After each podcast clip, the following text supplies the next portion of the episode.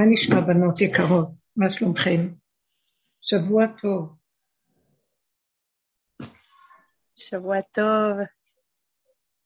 אה, הנה אנחנו, אה, לפי המוח של הטבע של העולם, נמצאים בסוף השנה. סוף השנה, שבוע אחרון של, אה, של אלול. ועוד שבוע אחריו, באמצע ראש השנה. אמ,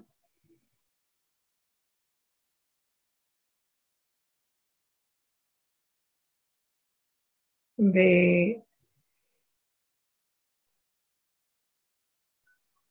בטבע הדרך שאנחנו עובדים איתה, התוצאות שלה זה שאין התרגשות מכלום. זה הסוף. קשה לי להתרגש מהידיעה שיש ראש השנה.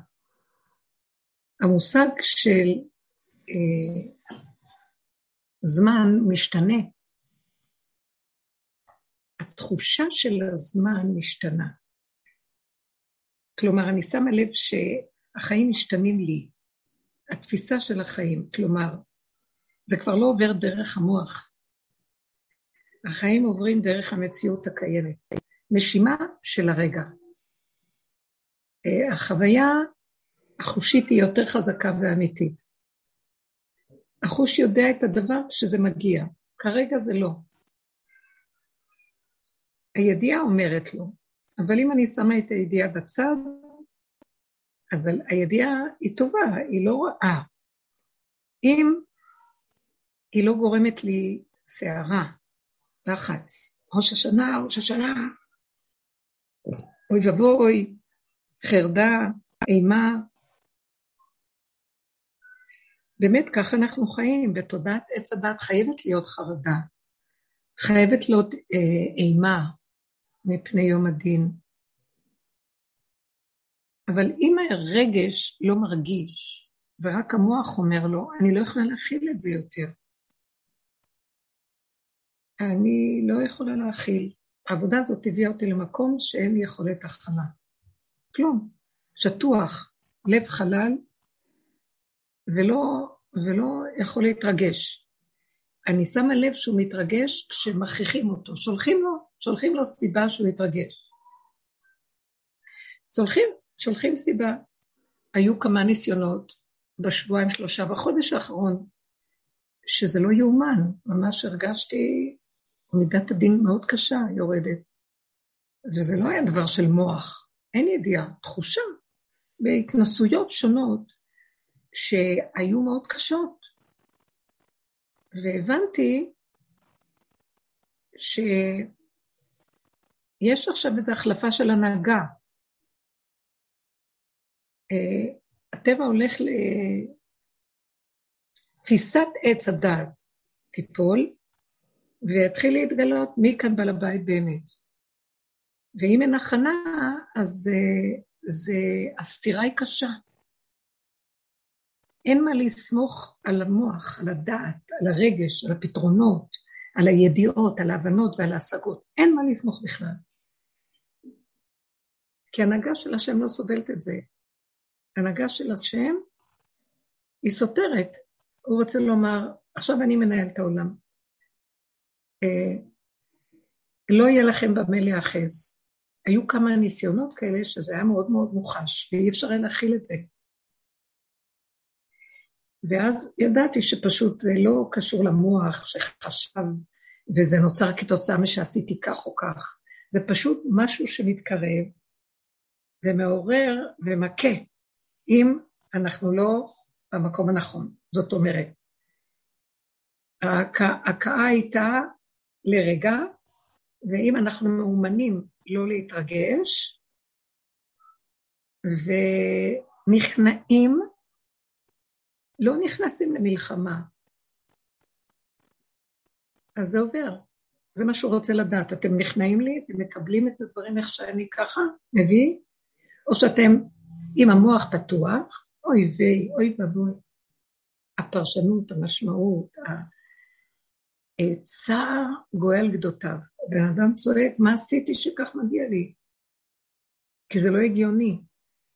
באמת הוא לא עשה כלום. זה ככה הנהגה עכשיו. משהו חודר לחלל שבכלל אין בזה שום היגיון, צדק ויושר. אדם יכול לחטוף מכה. הפוך, לא מגיע לו והוא יחטוף. אם האדם שותק להנהגה הזאת, מכיל אותה, וזו התאמנות של כל השנים. אז באותו רגע שעברה עליי, זה כמה פעמים היו כל מיני דברים, וכשזה עבר באותו רגע, זה מאוד מעניין. אותו רגע הייתה לי בהירות גדולה, זה לא היה הגיוני שיקרה כזה דבר, לא חשוב, אני לא אכנס לפרטים, אבל ידעתי שזה... ידעתי שככה זאת ההנהגה.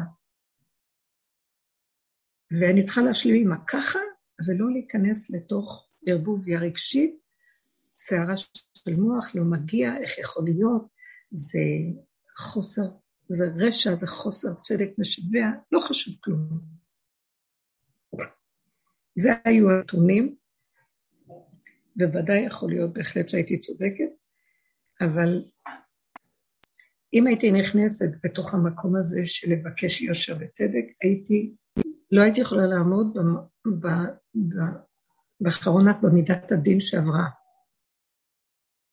אה, ואז ראיתי שבאותו רגע שזה קרה, ממש עניין של רגע, אני כל כך יכולתי רק להודות להשם, שבאותו רגע יכולתי להכיל. ולא היה לי שום זעזוע. הבנתי ישר שזה בורא עולם, שסידר הנהגה שהיא אנטיתזה של, של מה שמגיע לי. וזהו. אבל לקח לי כמה שעות, ואחר הצהריים, נניח אם זה היה בבוקר, אחר הצהריים נפתח המוח, והצער התחיל אה, לגאות על גדותיו, למה הוא נפתח? זה גם סיבות, בדרך כלל הייתי סוגרת אותו, אבל הייתה איזו, הייתה איזו סיבה שמטעם העבודה היא נפתחה לי. התחלתי לחפש בנקודת העבודה.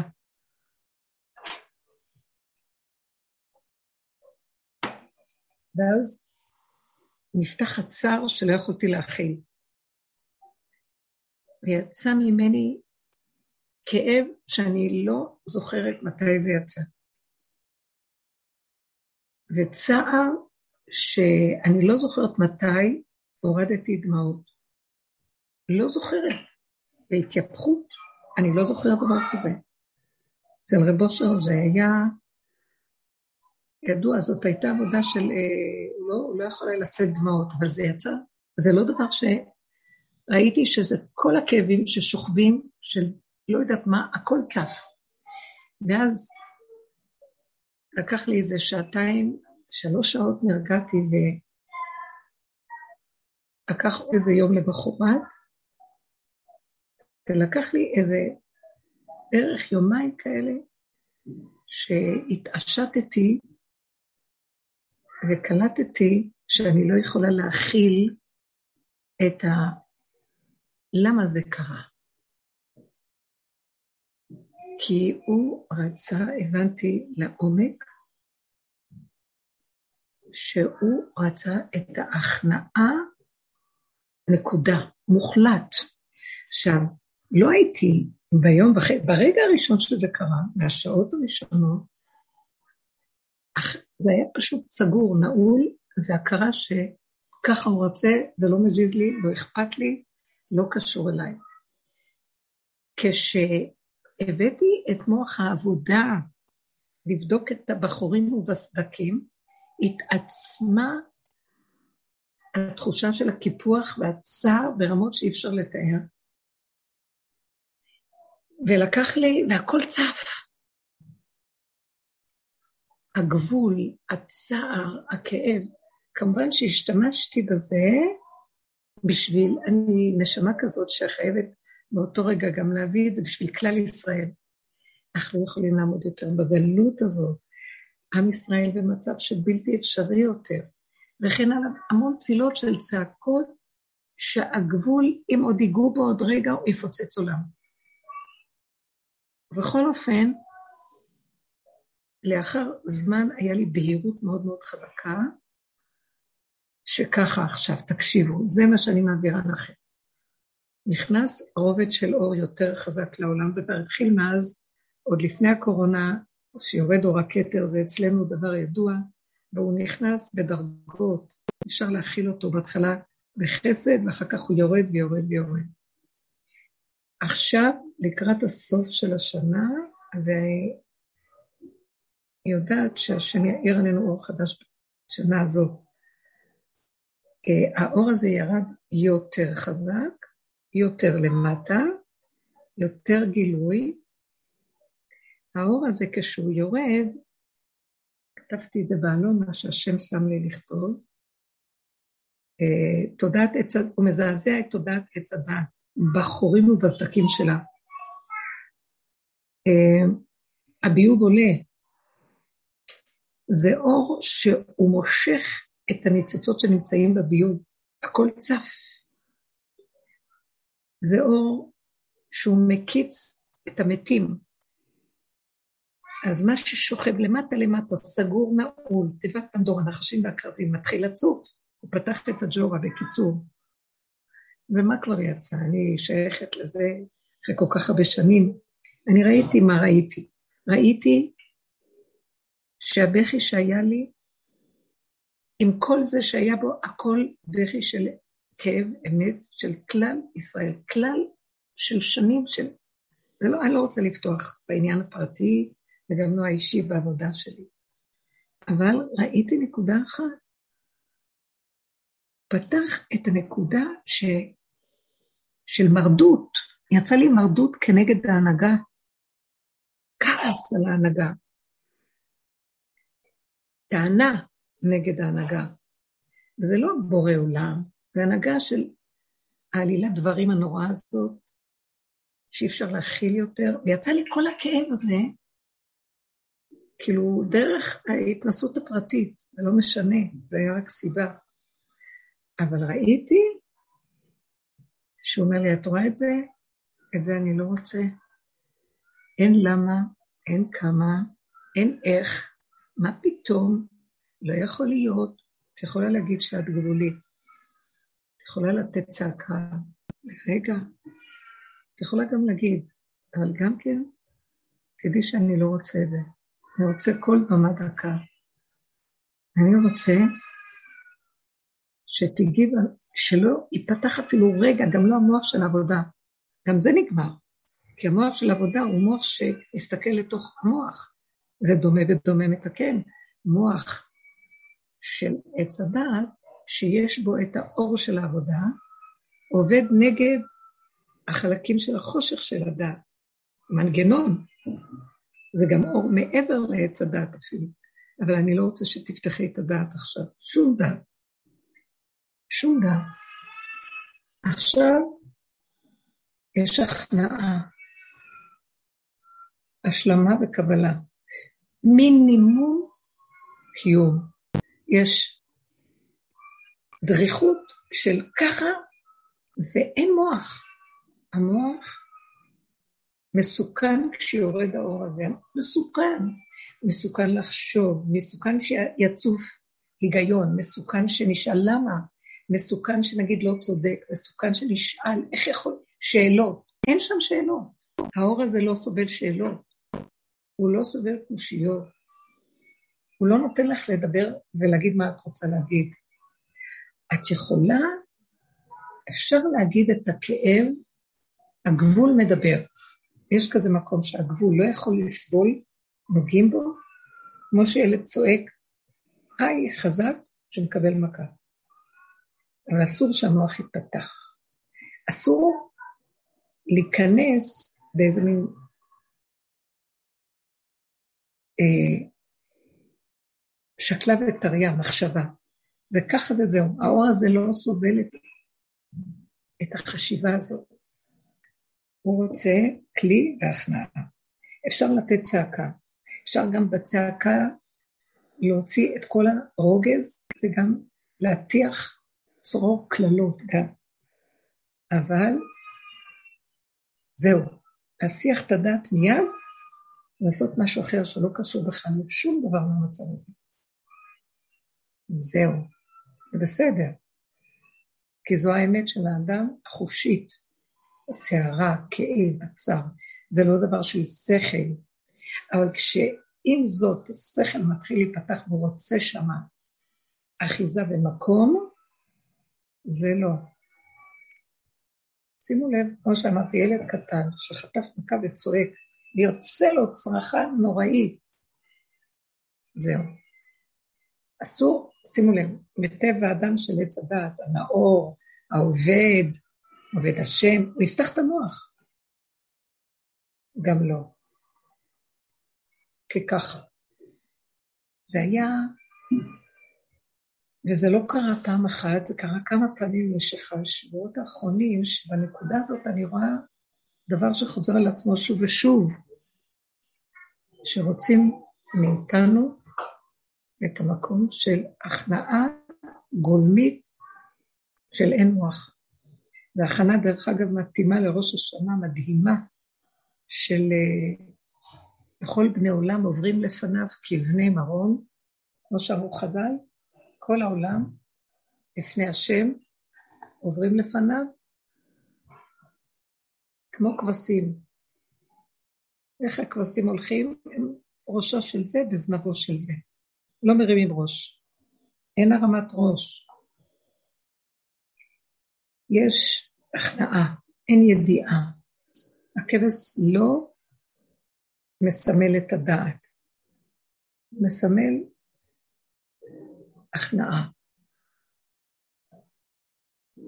רכות, קבלה, השלמה, התקללות, כל העדר הולך ביחד. ואיכשהו משהו ביניהם עובר, שכל אחד מפנה לשני את מקומו בלי מוח, בלי סדר שבא מיד האדם.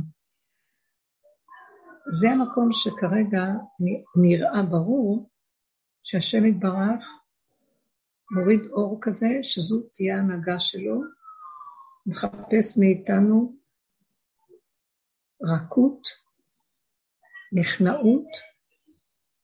עכשיו, אני לא מדברת על עצמי בלבד, אני שומעת מהרבה חברות ומהרבה אנשים שבדרך עוברים, יש קשיים לא רגילים, צפים דברים לא רגילים. האור הזה יתחיל לחשוף את הביוב, את הנסתרות, הוא מגלה נסתרות.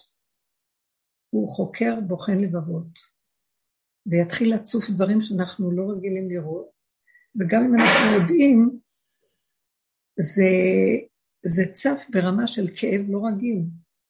בן אדם לא מוכן לקבל עם כל העבודה שעשינו, זה כאבים נוראים.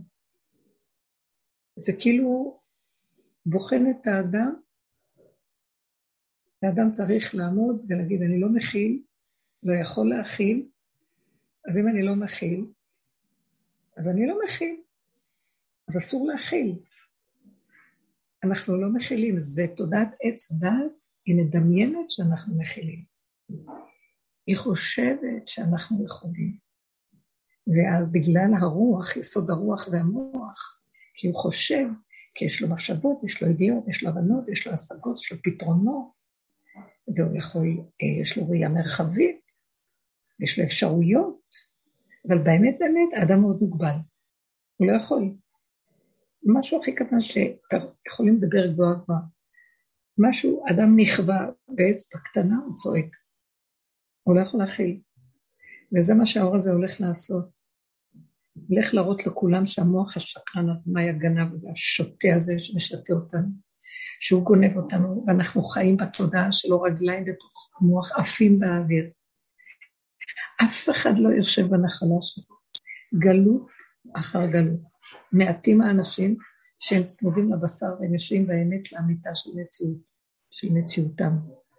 כולנו מרחפים ורחוק רחוק ממציאותנו באמת.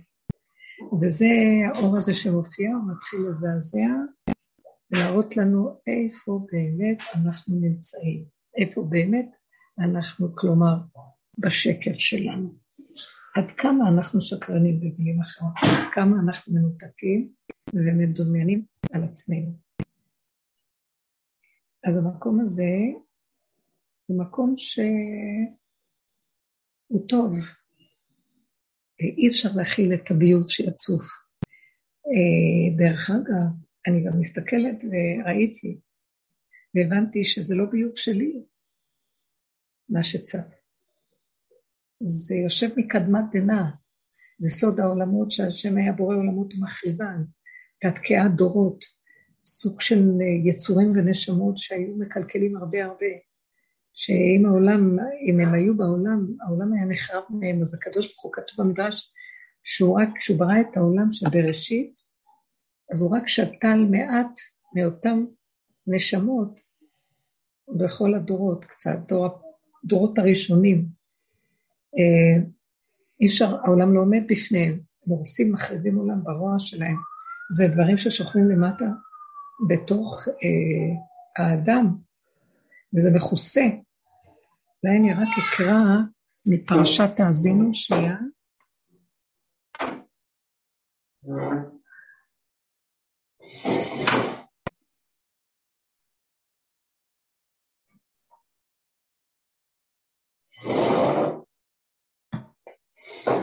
בפרשת האזינו, השם מתאר קצת את היסודות של אה, אותם אה, כוחות שאומר ככה,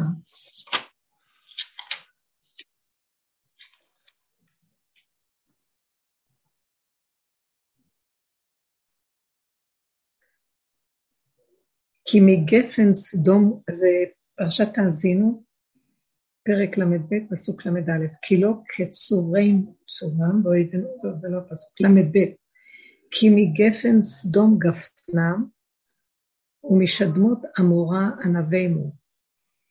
ענבי ראש, רש ושין, רעל.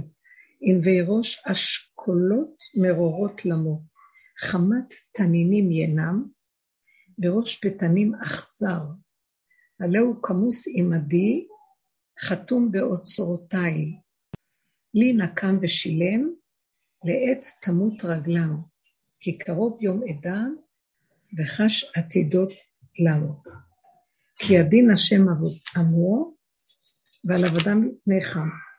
כי יראה כאוזלת יד ואפס עצור ועזוב. בשירת תאזין הוא מתאר את מה שיהיה באחרית הזמנים, בפרשה אחת לפני הסוף, והוא בעצם פה בשירת משה, שירת תאזינו, הוא אומר, הוא כועס על עם ישראל, לאן הם הלכו כל כך רחוק מהשם, ושהוא רואה שהם עתידים לעשות את כל מה שהם עשו, הוא לא רצה את זה, משה רבנו. ובכל אופן, הוא מתאר את המצב הזה של אותם כוחות שנמצאים בתחתיות של התודעה, במנגנון שלה, והיא משפיעה על העולם ומשפיעה על כל אחד ואחד פה. אבל בכל אופן אצלנו כעם ישראל זה סתום וחתום, אבל הוא קיים.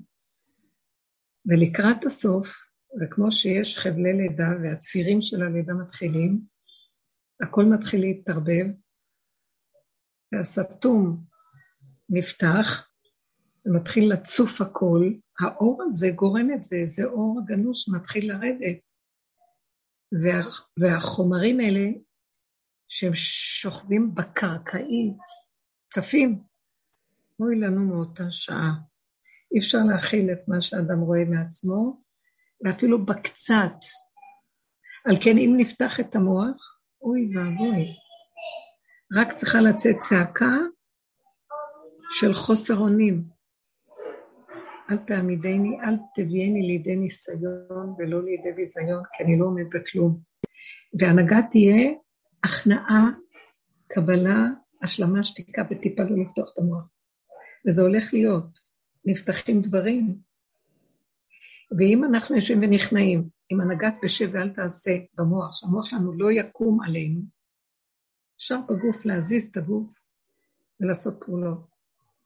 אבל לא להקשיב למוח ולתת לו להריץ אותנו. בטענות מטענות שונות, טרוניות, שאלות, למה, כמה, איך, זה לא יהיה הגיוני מה שנראה, ויהיה מתבקש על פי שכל שנגיד למה. זה לא יהיה צודק, אפילו על סף הרשע, כמו ילד קטן שמחייך, ופתאום מחטיפים לו סטירה, והוא לא יודע אפילו למה. ככה הרגשתי. אי אפשר היה, אם אני אפתח עוד טיפה ואגיד, אבל למה? באותו רגע לא הייתי שורדת. והשם אביכם, ובאותו רגע הוא נותן את הכוח לכל דבר. אבל כמה שעות יותר מאוחר התחיל להיפתח. והצער שיצא לא היה... אבל אחרי כמה זמן ראיתי שאם אני אמשיך לפתוח, הצער מתפשט ואי אפשר להכיל אותו. וזה מה שרבו שהיה אומר, הדמעות האלה יביאו אתכם לכאבי תופת, לא שייך, תסגרו וככה. זה ככה. זה ההנהגה של הככה, היא הנהגה שבשנייה, תקשיבו, רגע אחד המוח פתוח, הנהגת הטבע, שהאור הגנוז יקרקס אותה ויפרק לה את הצורה, וכאבים נוראים לבן אדם. אם הוא מכיל ומתאפק, מחזיק את עצמו, שהמוח סגור, אין צדק, אין, אין כלום, אין כי ככה וזהו, לא פותח את המוח בכלל להסתכל.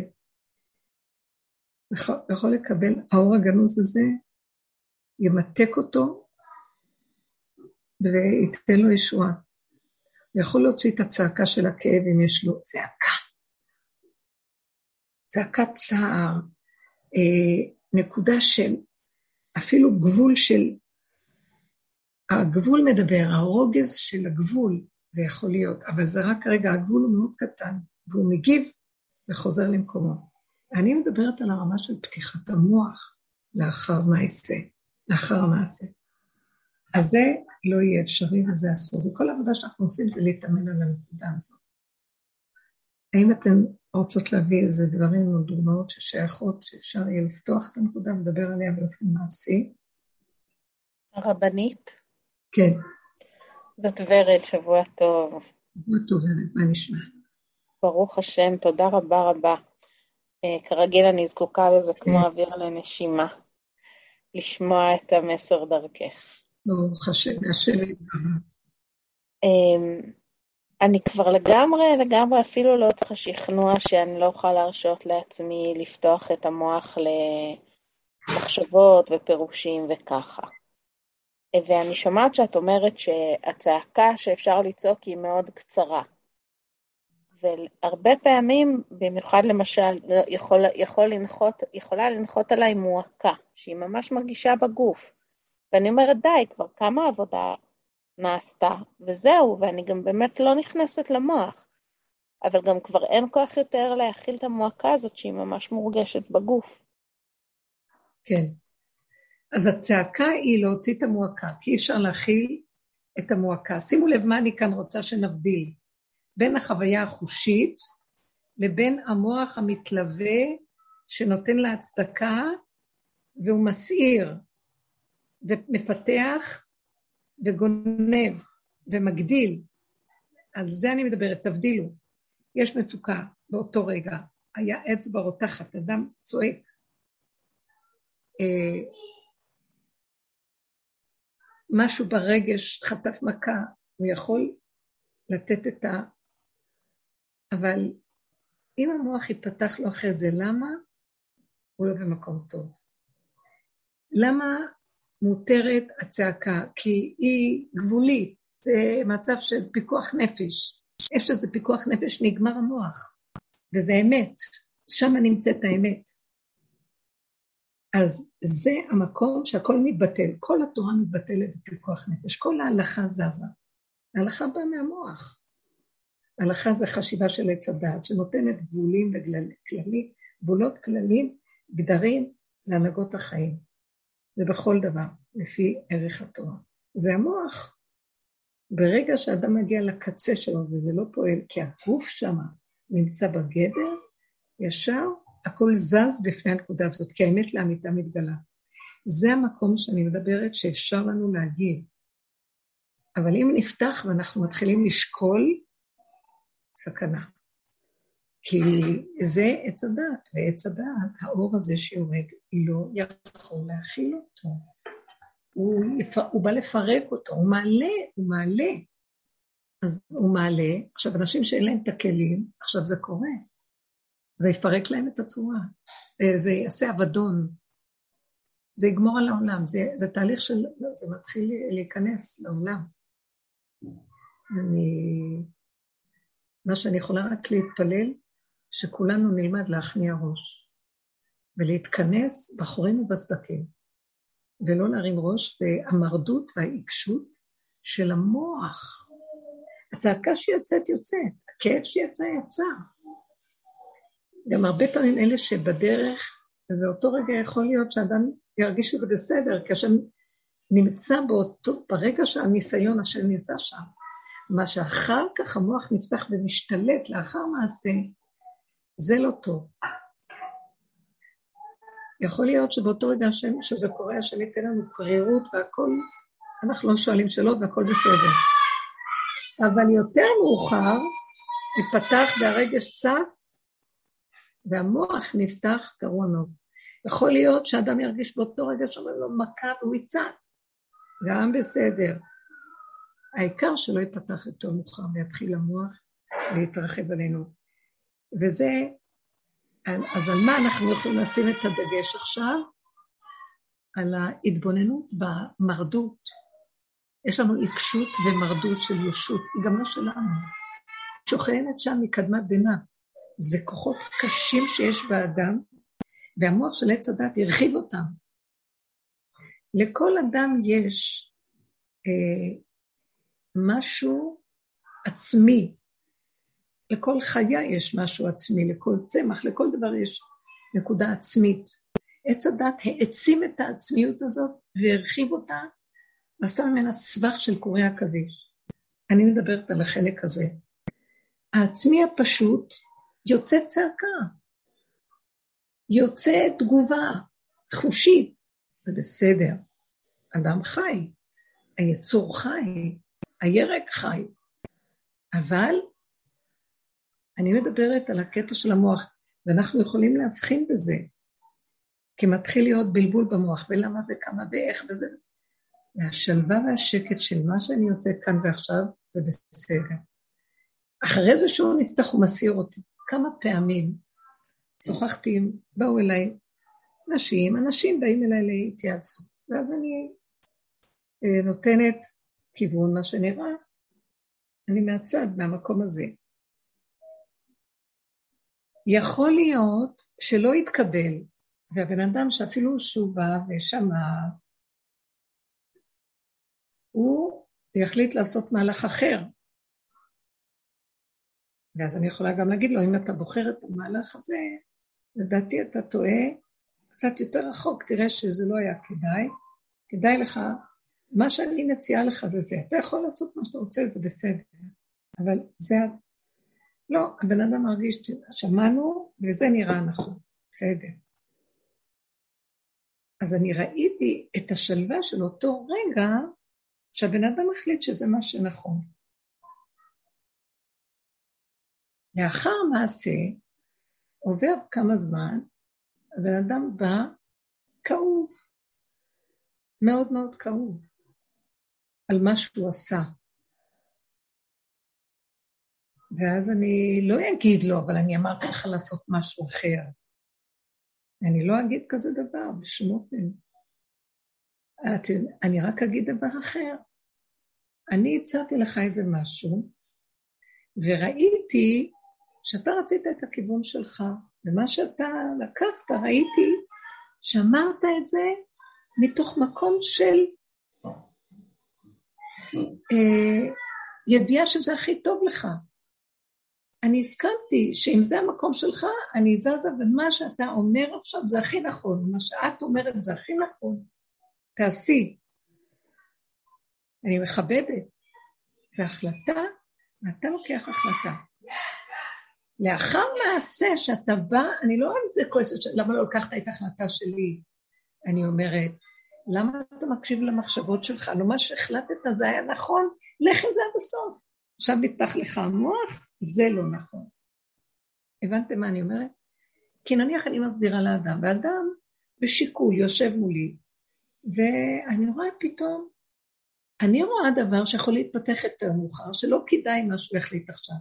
אבל ההחלטה שהוא קיבל עכשיו, אני ראיתי כאן באיזה צורה פתאום, מה, זז, זה לא פעם ולא פעמיים, זז הנקודה שלי, והבן אדם אומר, לא, וזה אנשים שהם הולכים בדרך, ואני, הם נאמנים עליי. אז אני אומרת, יפה, זה טוב. זה הנקודה שאני רואה את השלווה שאתה רואה שזה זה מצוין. למה לאחר מעשה יבוא אחרי זה, בוא נגיד, חודש, התחילו להגיד, לא טוב. הם לא יגידו לא טוב מה שעשיתי, הם התחילו לספר את הכאבים שיש להם כתוצאה מהסיפור. ואני לא אתחיל להגיד, אבל אמרנו כך וכך. הדבר היחידי שאני יכולה להגיד זה, למה המוח שלך נפתח? מה שאמרת, וזה באותו רגע, ראיתי את השלווה שבה הרגשת שזה הכיוון, ואיך זה? אז למה עכשיו הכל נפתח? אפילו אם אני ראיתי את זה אחרת, יכול להיות שהייתי צודקת, אבל אני חי הרגע של האמת שלך, עכשיו אתה לא בסדר, עכשיו המוח הנפתח, קח אחריות על הכל עד הסוף, תשתוק. קבל, אל תפתח את המוח. למה המוח שלך נפתח? למה אתה הולך עם הבלבולי מוח שלך? למה עשית כך דרך הקושיות והשאלות? ככה עשית וזהו, עד הסוף. מה לא בסדר? הכל בסדר. אם לא, אחרי רגע אתה יכול לשנות כיוון עוד פעם ולהתחיל הכל מחדש. אבל למה אתה פותח את המוח והצער כל כך גדול? זה לא. אם אתן קולטות, אני אומרת, אסור לנו לפתוח את המוח הזה. תבינו למה אני מדברת. תבינו, אני, איך אני יכולה לומר את זה, כמו של העולם? אבל בנפשנו הדבר, אתם לא מבינים שעכשיו החלק של מהחגורה ומטה, מהמותניים ומעלה, חייב להיסגר. זה כולו נחשים ועקרבים. וצריך לפתח את יסוד הגולם בדרגה אחת. לא להשתמש במוח של העולם. ותדעו, לא יחסר מאיתנו שום דעת. יש דעת פשוטה קיומית.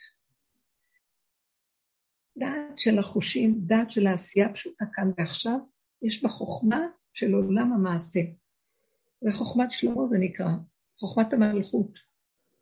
חוכמה פשוטה קיומית, של קיומיות יפה, ויש בה שמחה, ויש בה השגחה ושמירה. כל השאר עכשיו אסור. השתמשנו במוח, עשינו המון דברים עם המוח. עבד בצורה הכי גדולה, קודם כל, כל העם היהודי ברר את הטוב מן הרע דורות, והשתמשו במוח. המוח היהודי, לפי דרכי התורה.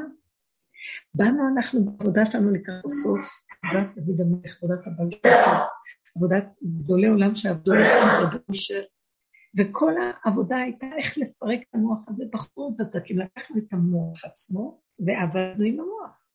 והייתה עבודה גאונית. זה מוח גאוני. לקחת את המוח ולהסתכל בו בחורים ובסדקים בדבר עצמו. בדומה שלו, אותו דומה מתקן. אנחנו צריכים להכיר את התוואים, להכיר ולדעת, שכל של עולם, השתמשת בדרגות הנמוכות, לזהות, להגדיר, אה, לאבחן, אה, לקרוא לזה שם, לפרק את זה, לבודד חנקים, למצוא לזה סימוכים ודוגמאות שונות. אה, להביא את העיקרון הזה, לנת שנביא אותו שלוש מאות אלף פעם בכל דבר, שלוש מאות פעמים בכל דבר, כדי להמחיש, זה מוח, זה מוח. השתמשנו במוח הזה לפרק את המוח. ועכשיו אין מוח. אין מוח. אין מוח. אם ייפתח המוח, אני לא, אני לא נשרדת. אני אומרת לכם באמת, אני ברגישות גבוהה, ואם נפתח לי המוח בדברים שלא מסתדר כפי השכל הטבעי של העולם, אני לא אצרד. במקסימום יכולה לצאת לי הגבול שלי יוצא, ואני מרשה לו ביני לביני, מבקשת משהו שזה לא יצא החוצה, לפעמים זה גם יוצא, אבל אני מוציאה שנייה ונגמר. אסור לפתוח את המוח אחרי זה, למה, כמה, נגמרה העבודה הזאת, נגמר לעבוד, כבר אמרנו את זה הרבה פעמים, להסתכל ולהתבונן. זה האור הזה הולך ומתקרב יותר ויותר, והוא יחנוק, פשוט הוא חונק בבן אדם שחושב, שמשתמש בעץ הדת. וכנראה החוסר אוויר שיש בתוך המציאות הזאת של הקורונה, זה לא המהלך שנדרש, עכשיו נדרש המהלך שמתחת לחגורה. לא. חושיות פשוטה, עשייה פשוטה, אה, עכשוויות. אם משהו לא הולך, לא הולך, אין בכוח. אה, אם משהו מאוד מפריע, אני יכולה גם לתת את קולי ולהגיד, אני לא רוצה שיהיה פה רעש. אני יכולה גם להגיד את זה, מה שפעם לא הייתי אומרת, והייתי הרבה עובדת על עצמי להכיל. אחר כך חוזרת לעצמי ולא רואה ולא שומעת, אין טיפה של טרוניה בלב, אין כעס, אין רוגז, אין שנאה, אין כלום. אומרים, נגמר, שלום. אין לחזור, להתבונן, להסתכל, להגיד, אין, המוח הזה חייב לרדת. עכשיו הוא מתחיל לצאת בהתעצמות יותר גדולה ממה שהיה, כאילו, אבל עשינו כל כך הרבה, מאיפה זה צף? הביוב עולה, זה צף. אה, הוא בוחר אותנו אם אנחנו לא מתרגשים ומגיבים. כלומר, לא מתמרדים, כי זה גם נוגע חזק. זה יכול להכאיב, אפשר להוציא את הצעקה וליצור שלא יכולים להכיל. זה צעקה ברורה אמיתית, לא יכולים להכיל. אבל שוב פעם אני אומרת, כל העניין של לחטט, להבין, להשיג, לפתוח, לפרש, אין לו מקום. שקט, וזהו. הרבנית, אפשר לשאול עוד? כן. אז אה, אני לא יודעת אם זה בסדר להזכיר, אבל אני זוכרת שכשאני פגשתי אותך אחרי שהייתי בשבר מאוד מאוד מאוד גדול לפני שלוש שנים, שנתיים, שלוש, כן. אז אני זוכרת שאת גם שיתפת אותי בסיפור שלך. ובאמת. כאילו, אני מרגישה ממש מבורכת על זה ומבינה שמה שהיה צריך לקרות היה חייב לקרות וזהו. עכשיו, אני זוכרת שבאיזשהו שלב אני התייעצתי איתך, ואני זוכרת שאת אמ, אמרת שאת מחפשת דרך להעביר את הדרך. אה, שיגיע לכמה אנשים שצריך. ובשבר שלי התערער לי מאוד מאוד הביטחון. ואני מרגישה שהקדוש ברוך הוא איתי, כאילו החיים שלי בסדר, אני בריאה, המשפחה שלי בריאה, יש קורת גג, יש כל מה שצריך. כאילו אין איזה משהו שחסר. אבל כל פעם שעולה לי איזשהו רעיון לנסות, שאני חושבת שהוא, שמשהו מבפנים אומר שטוב, אז אני, מה שאני שומעת זה אה, אל תרימי ראש, ואז אני מרגישה שלפעמים אני לא אנסה שום דבר. אני פשוט אשאר כמו שזה בקטן, אבל לפעמים באמת מרגיש שהנשמה רוצה לנסות משהו. ילך, ילך, לא ילך, לא ילך. לא, לא, תבינו אותי, בדיוק. אני לא אומרת לא לעשות. אמרתי עולם המעשה והעשייה, אבל אמרתי לא לפתוח את המוח, כי אם למשל את מחליטה לעשות, וגם כשאמרתי לך אז שאני רוצה שזה ילך ויפוץ, עד עכשיו אני אומרת להשם, אני אומרת לו, ריבונו של עולם, באתי להיטיב לעולם ולעזור לעולם, תזכה לי. מי שיכול לבוא במחיצתי, שיקבל ישועה, שיקבל אה, שמחה, שיהיה לו ברכה, שיהיה לו רק טוב. אני באתי, אני רוצה לעשות טוב בעולם. ואז אני אומרת לו, אבל אני לא רוצה לעשות טוב, כל השנים עבדנו, כל אחד בדרגות שלו, ועבדתי הרבה שנים גם במקום הזה מתוך, מתוך אותו אינטרס, לעשות טוב ולהגיע לאנשים, ומה שאני יכולה ברובדים שהשם חנן אותי, בכל רובד, להשתמש בו ולהיטיב. אז אם זה היה בגדר של הדעת וההבנה והשמה והחסד והתינוק.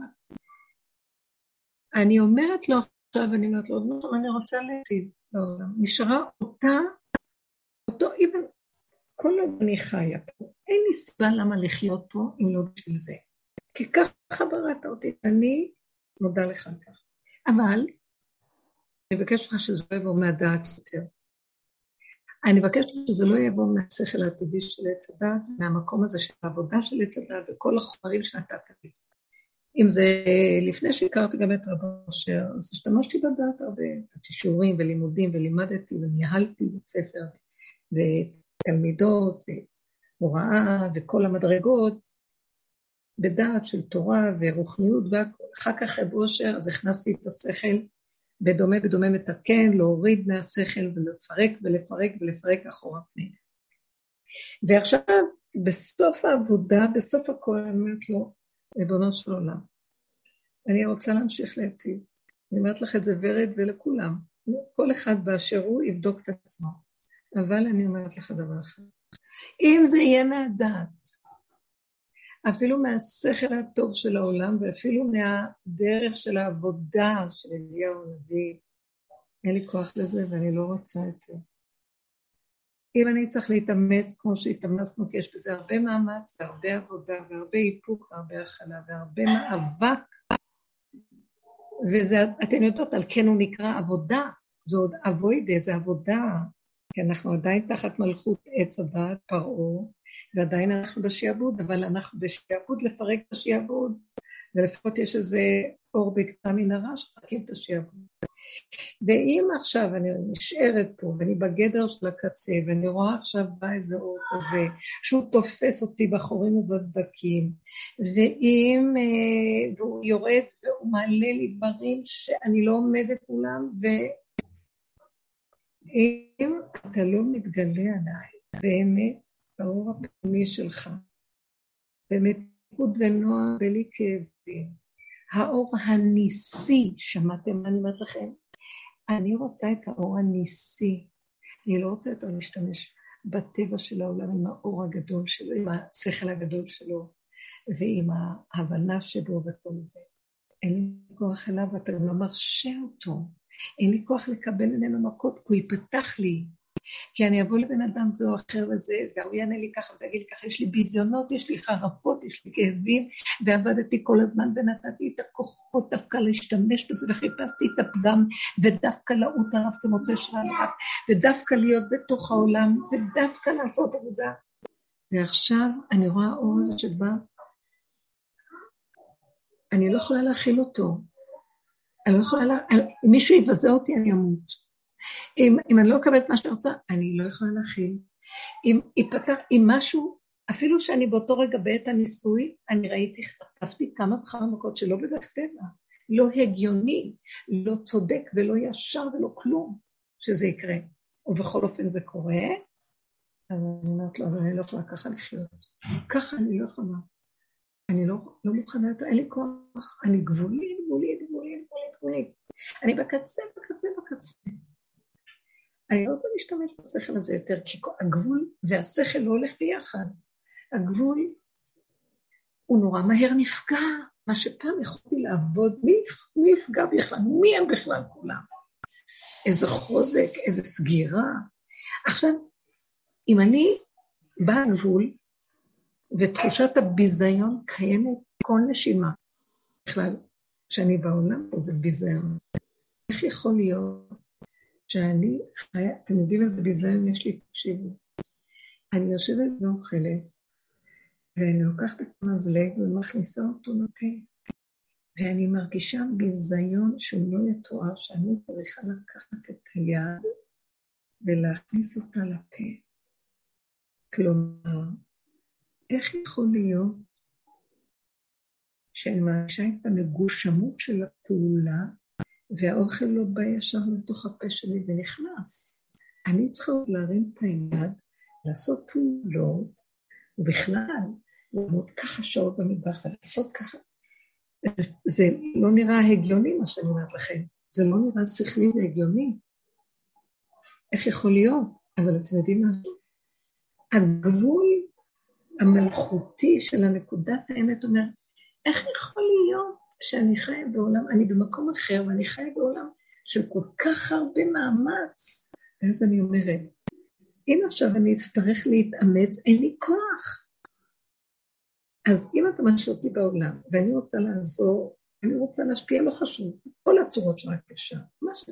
מה שאתה תזכה לי, אבל שזה יהיה מאור אחר, לא אור שירגיז אותי, שאני אתעצבן, שאני לא אוכל לסבול את החיים, כי אני כל כך כולי, שאני אעלה, שאני אפגע, שאני ארגיש מבוזה.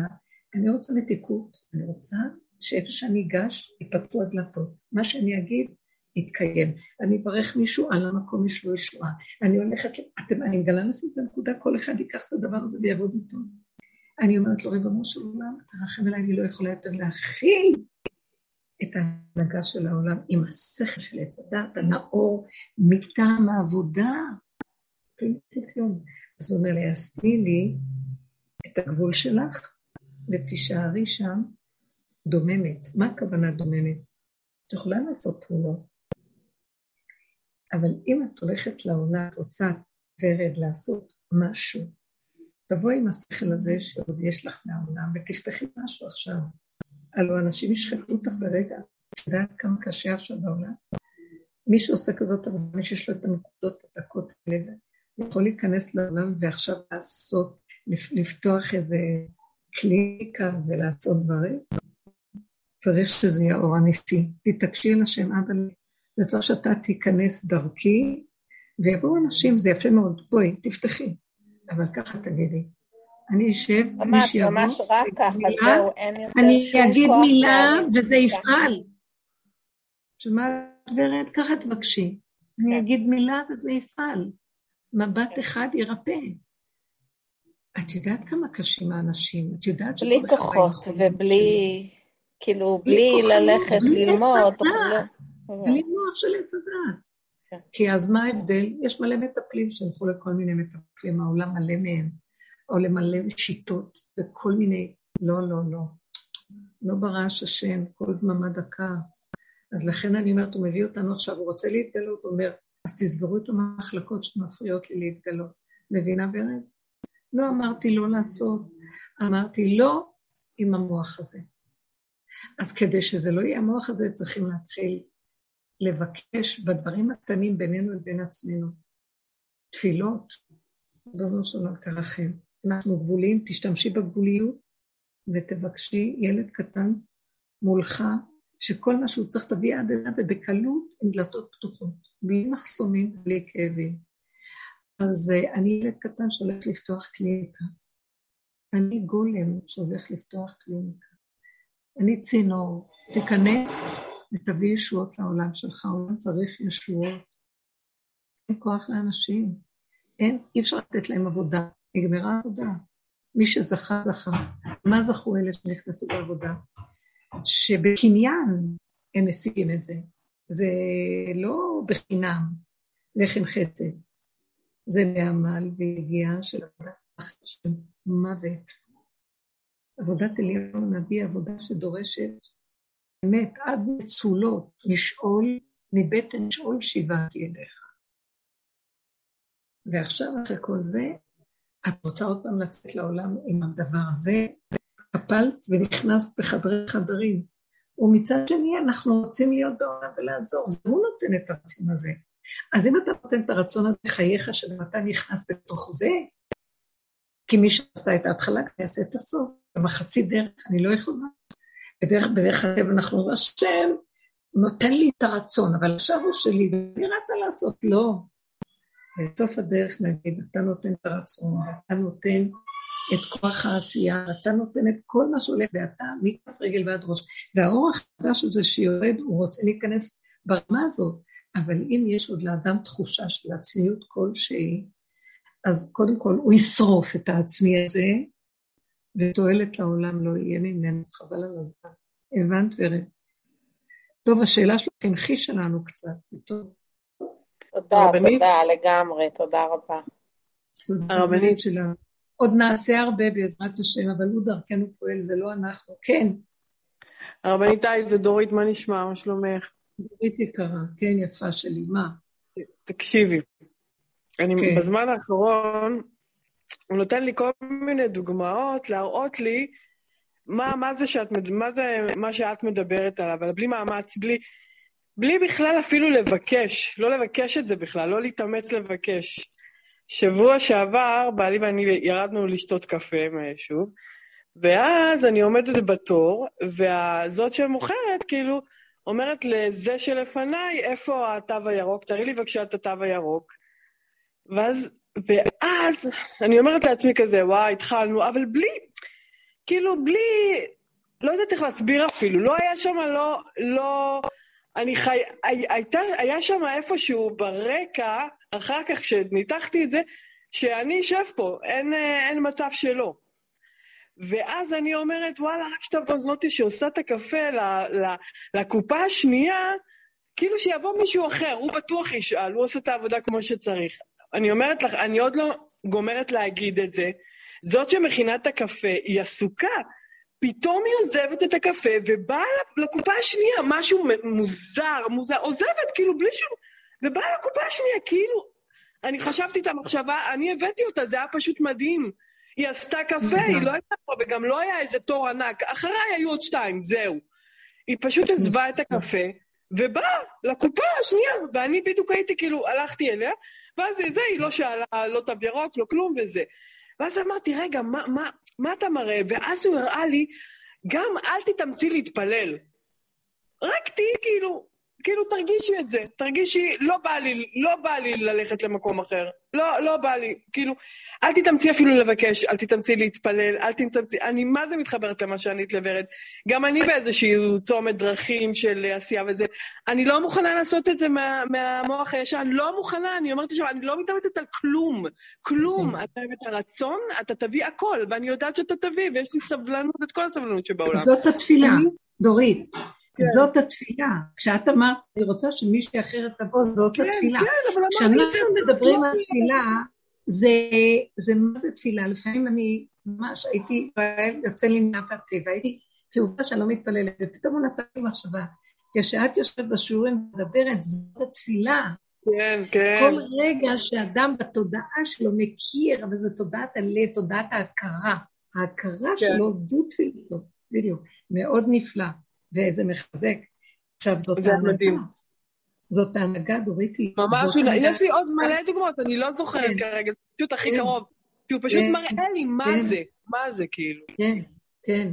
הוא לא, אני אגיד לכם בפשטות, האור הזה יורד, ואסור לנו להפריע לו. בשב ואל תעשה, זה המקום. בשב ואל תעשה, זה המקום. זה מדהים, סיפרה לי אחת החברות, טל, הם היו בבנק עם בעלה, צריכים לחתום איזה מסמך, כמה מסמכים כדי, באיזה רכישה של משהו. ולא היה קל, הם, הם נתקלו בקשיים גדולים בבנק, למרות שהיה נראה שכן אפשר. ובכל, ממקום למקום, מחלקה למחלקה, לבסוף הם התיישבו, והמנהלת מגיעה אליהם ואומרת להם, תראו, זה יכול לקחת לכם כמה שעות, אז חבל לכם על ההמתנה, תראו מה לעשות, זה. ואז הם התיישבו בספסל בבנק, אה, והיה עוד אומר לה, אבל זה לא הגיוני, כי הם הזמינו אותנו, אז איך זה יכול להיות? אז מה, אולי אני אגיש, אגש ואגיד להם זה וזה וזה. אחרי רגע הוא חוזר, הוא נעצר, באמצע הוא חוזר, הוא אומר, אבל תראי, הרבנית פישר אמרה, אבל פישר אומרת, בשב ואל תעשה עדי, נכון? עכשיו זה לא זמן של עשייה, כי דיברנו שבוע שעבר, והיה שם שיעור, אז הוא שמע. היא אמרה לא לעשות, נכון? אז בואו נשב, אני לא יודע מה שיקרה, לא יודע מה, אני לא עושה שום פעולה, בואו לא נעשה כלום. כלום, לא נעשה כלום, נשב, לא נעשה כלום. אנחנו לא זזים פה, רוצים שייתנו לנו לחתום ושנלך, אנחנו רוצים לממש את מה שהם הולכים. אז בואו נשב, נשב. היא אומרת, לא עברה דקה מהמחשבה הזאת שביניהם אה, עברו, עברה, ישבו, והמנהלת פותחת את הדלת, בואו, בואו, בואו, בואו, בואו לחתום, בואו לחתום, בואו לסדר את הכל. חתמו את החתימות, גמרו את הכל והלכו, לא, לא המתינו יותר מכמה דקות על כל הסיפור. אז הוא בפירוש, היא אומרת לי, פשוט ראיתי את ההנהגה. השם רוצה במקום הזה שלא נלך עם חשבונאות, לא נלך עם המוח. יש אבל נקודת הכנעה, מה הוא עשה? הוא אמר, טוב, הוא נזכר ביסוד הזה של לא לתת למוח, המוח ישר מריץ, בואו נעשה ככה, נעשה ככה, לא הגיוני, אבל תעשו ככה, לא תעשו ככה, כן תעשו ככה. וזה קורה לי, תקשיבו, יש מוח גדול, והוא פותח לי אותו אפילו ברמות שאני מזמן כבר לא שם, והוא ממש, אתם לא מבינים באיזה ניסיונות, אני אומרת, אתם חייבים להתפלל עליי, פותח לי את המוח, והמוח עומד על תילו כמו לפני 30-40 שנה, של שכל חזק עם ידיעה ברורה, זה ועוד זה שווה זה, ומריץ אותי לזה. אתם לא מבינים? ואני עומדת נדהמת, אומרת, אחרי כל העבודה זה צף. כן, הביוב צף. ואז אני נעצרת ועושה רוורס. לא, אסור לי להקשיב למוח. והוא נראה, מה זה, זה המקום, זה הגיוני, זה לא יכול להיות אחר כך. לא. והמקום הזה, אני רואה, אני קוראת לזה, זה עוד המרדות של המוח הישותי, שעוד חושב שהוא מציאות וקיים, הוא בריקוד האחרון שלו קם לו, ועכשיו מה הוא רוצה ממנו, איתנו? לא לתת לו שום ממשות ולשבת. זה לא קל, אבל אני אגיד לכם מתי זה כן קל. שאני, אני מספרת לכם דבר שאולי אתם לא עוברים אותו, אבל כל אחד עם הפגם שלו, הפגמים צפים. זה עולה משהו, ועכשיו שזה עולה, אסור לנו לתת לזה את הממשות הטבעית הרגילה, אלא לשבת, ואין שכל, אין שכל. אבל מה אני רוצה עכשיו? אני אומר, אני רוצה לחתום ולגמור את הסיפור. אני רוצה זה וזה וזה. אני צריך זה. ככה, בלי מאמץ, בלי עמל, בלי הגיעה, בלי להתווכח, בלי להתנצח. חי וקיים. אתה כמה שאתה יכול לעשות את זה. אז שב בשקט ואל תריץ את המוח, ואל תיתן שתבוא נגע מה שהיית רגיל במקומי. שב, תעמוד על עומדך, תעשה את מה שאתה צריך ותראה שזה יגיע. צריך להיות משהו, אני, אני יודע שאנחנו כאן מדברים, אני בתור אחד שנותן, אז אני חייבת להביא את הדוגמאות ואת ה... לפתוח ולהעצים ולהגדיל את זה כדי שזה יהיה מוחשי וברור. אבל באמת, כמו שדורית אמרה, כל אחד בעבודתו בדרגתו, היא נמצאת שם. אז uh, כבר ישר ברור שזה ככה וזהו. אני אגיד לכם, אני נשמה כללית, אז אני יכולה בתוכי להרגיש את כל מה שכל אחד יכול לעבור, ואני יכולה להגיד עוד הרבה דוגמאות שנראה איך יכול להיות אחרי כל עבודה. כן, זה יכול להיות. וזה אני רוצה שתדעו, אצל כל אחד יכול לצוף משהו. ועכשיו הזמן, ההנהגה לא רוצה את יסוד הטבע הרגיל, לא רוצה את מקום, הולך להיות גילוי שהוא לא שייך לטבע כמו שעץ הדת הנהיג את המציאות פה. אנחנו לא, הטבע הוא תמיד הדבר הכי טוב, אבל הטבע התקלקל עם מציאות עץ הדת. כי ברבות הזמן שאנחנו הולכים עם המוח הזה, והרבה, רשות הרבים מתפתחת, אז כולם עושים את אותה טעות ומתעצמת, אז המציאות הולכת לפי הקלקול, וככה זה אחרי כמה פעמים, לא נראה שזה קלקול בכלל, וזה נהיה הנהגה של העולם. ככה העולם אה, נראה, זה סדר עולם. זה לא נכון. עכשיו, אנחנו צריכים לעצור את זה, עשינו הרבה רוורס, והנהגה צריכה להיות פשוטה, מעשית, שאין בה מוח, אין בה שכל ואין בה כלום, אבל יש בה ערנות של סיבות ודריכות. הרגע, הילד הקטן יודע מה הוא רוצה יותר מכולם. הוא חי ותוסס בפנים, והוא כל כך עכשווי ומוחשי עם הקיים, עם הקיימות הנוכחית. ואילו המוח שלנו, אנשים הולכים עם המוח שלהם ועוטף אותם, מרחף אותם, בכלל אין קשר. על כן ההנהגה צריכה להיות של ילד קטן יהיה יותר טוב. הילד הקטן ינהיג. וזה בתוכנו, תחפשו את הילד הקטן והוא ינהיג אותנו. הוא במקום הזה יקבל הכל, אבל בתנאי שלא יפתח לו המחלקה האחרת, ופשטות. זהו. הנהגת הטבע של עץ הדת לא טובה עכשיו, אין מוח, אין חשבונות, אין פתרונות ואין אחד ועוד אחד שווה, יש את המקום של, אה, זה מה שזוכרת בכמה שיעורים קודמים, דיברנו שיסוד של משיח בן דוד זה שכאילו הוא חי מים ומטה, חושי, פשוט, קיומי, עכשווי, דרוך, ערני, אמיתי עם הנקודה של כאן ועכשיו, ואין אחד ועוד אחד. הוא יכול להגיד מילה ואחרי שעתיים זה כבר יהיה משהו אחר. ואדם של עץ הדת יגיד, הוא משקר, כי הוא אמר לי משהו אחר, ועכשיו הוא אומר משהו אחר. אבל עכשיו אצלו זה לא מה שהיה אז, ואנחנו לא קולטים, ההנהגה היא אה, אצלו מתחדשת, היא לא מלך זקן וציל, ישן, ישן, אלא היא ערנית ודרוכה. עכשיו האור הזה מועיל. האדם הזה, שהוא חי ככה, המוח לא ממשיך לו את החושים והוא, את, והוא קולט. החושים קולטים, ערניים, העיניים רואות, האוזניים מריחות, שומעות, ואף מריח. מריח, לא רק ריח, הוא מריח את הבן אדם, הוא מריח את הבן אדם. יש מה שנקרא כלב מריח, להבדיל. מרחך ומריח. אה, החושים דולקים, הם אמיתיים, הרבה יותר מהמוח, שהוא בליל של מחשבות ובלבולים וקשקושים ומכסה את האמת וההבלים והסרחונות והעננים החשוכים מתפזרים ואדם לא יכול לראות נכוחה, ואז ככה הוא אה, חורץ את אה, רעיונותיו ומשפטו, ככה הוא מוציא וחורץ אה, משפט על העולם ועל החבר ועל הסביבו, והוא עושה שטויות וטעויות. אבל האדם הזה שמהחגורה ומטה חי עם הדריכות הפשוטה, הוא אמיתי. עכשיו, השלמות זה שירד על זה אור של דעת עליונה. אבל כדי שירד האור הזה של הדעת העליונה שעכשיו מתחיל להיכנס לעולם, ואז אתם לא, אתם לא מבינים, העיניים יפתחו ונראה דברים שלא רואים, נשמע מה שאנחנו לא שומעים עכשיו. וחושים יהיו מדהימים, והאמת תתגלה דרכם השכל הזה שיורד, האור שיורד, הוא אור שהוא יפתח לנו, זה אור של נבואה.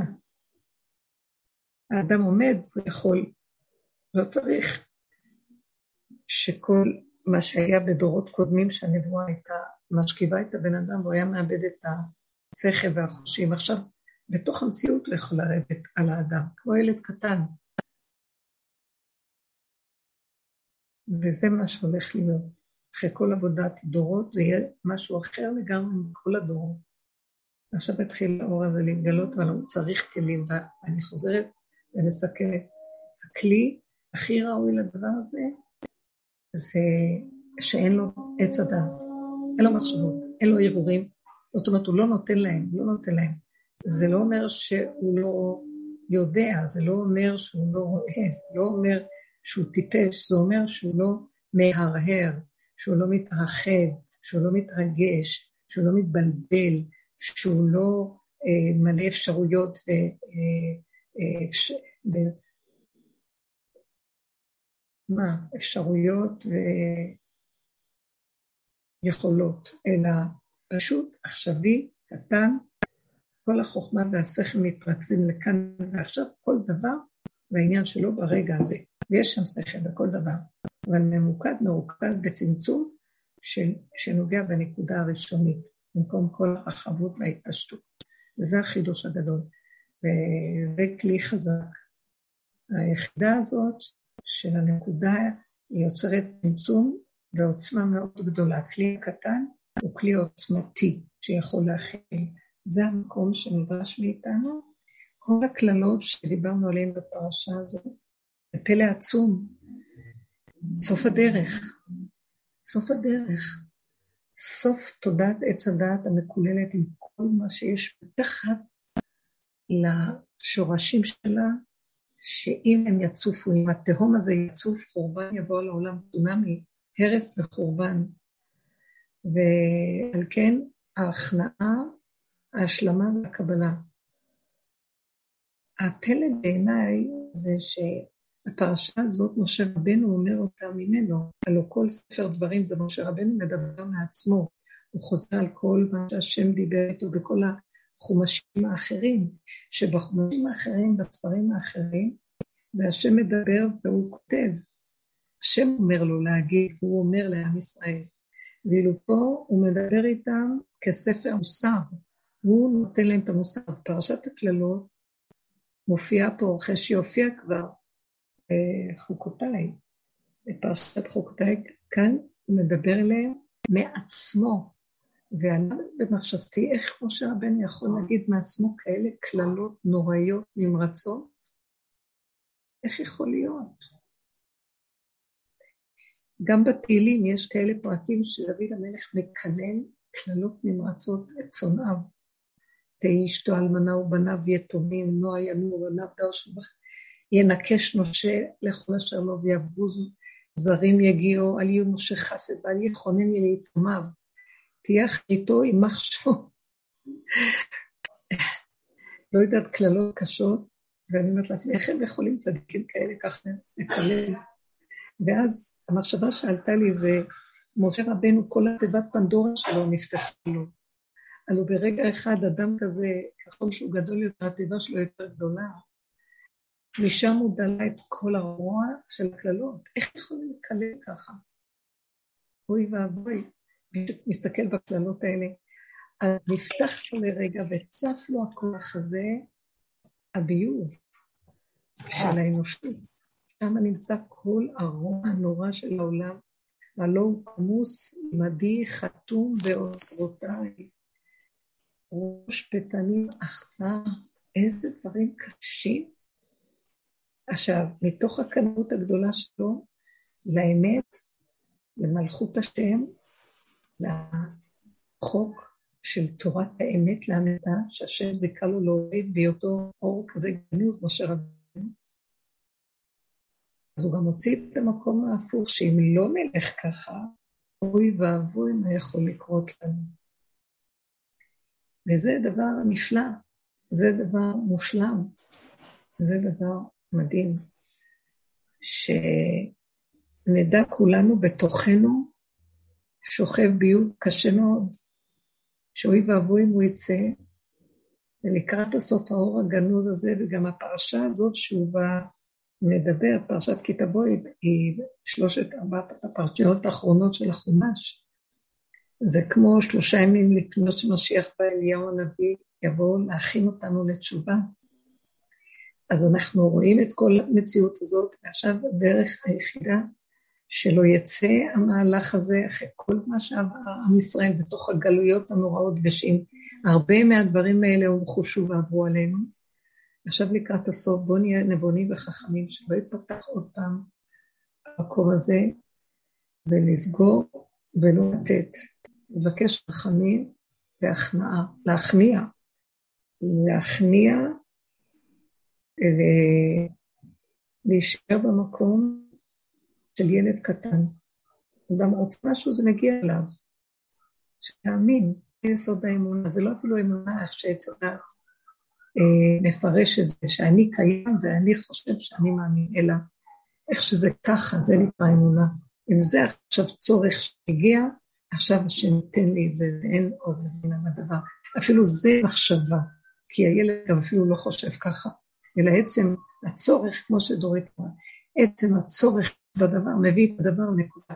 אבל המוח מטיל ספק לאור החיים הקשים שעברנו, אז אנחנו כבר לא מאמינים בחיינו, כן, מה הם תכף יבקשו ממני, וכשאני חושב בעץ הדעת, תכף יבקשו ממני את התו הירוק ולא ייתנו לי להיכנס, ישר אני נותן להם כוח להתנהג ככה, תהיה צדה, פיל אותי. ועל כן המקום של הילד הקטן יציל את המצב, ילד קטן בחוכמתו יציל את כל העיר ויהיה ישועה גדולה. זה האור של משיח, שהוא כמו ילד קטן, נקי, ודרכו עובר אור גדול, שממנו הישועה להשם. להשם הישועה לעמך ביחתך סלע. תודה רבה לכם, שבוע טוב, ובעזרת השם נתחזק כולנו באותה נקודה, ניתן נקודת אה, הכנעה והתמעטות לפני האור החדש והכנה לראש השנה, ששם מגלה מלכות השם. תודה רבה רבה. שבוע טוב. תודה רבה רבה, שבוע טוב. שבוע טוב. תודה רבה, שבוע טוב וכל טוב. תודה.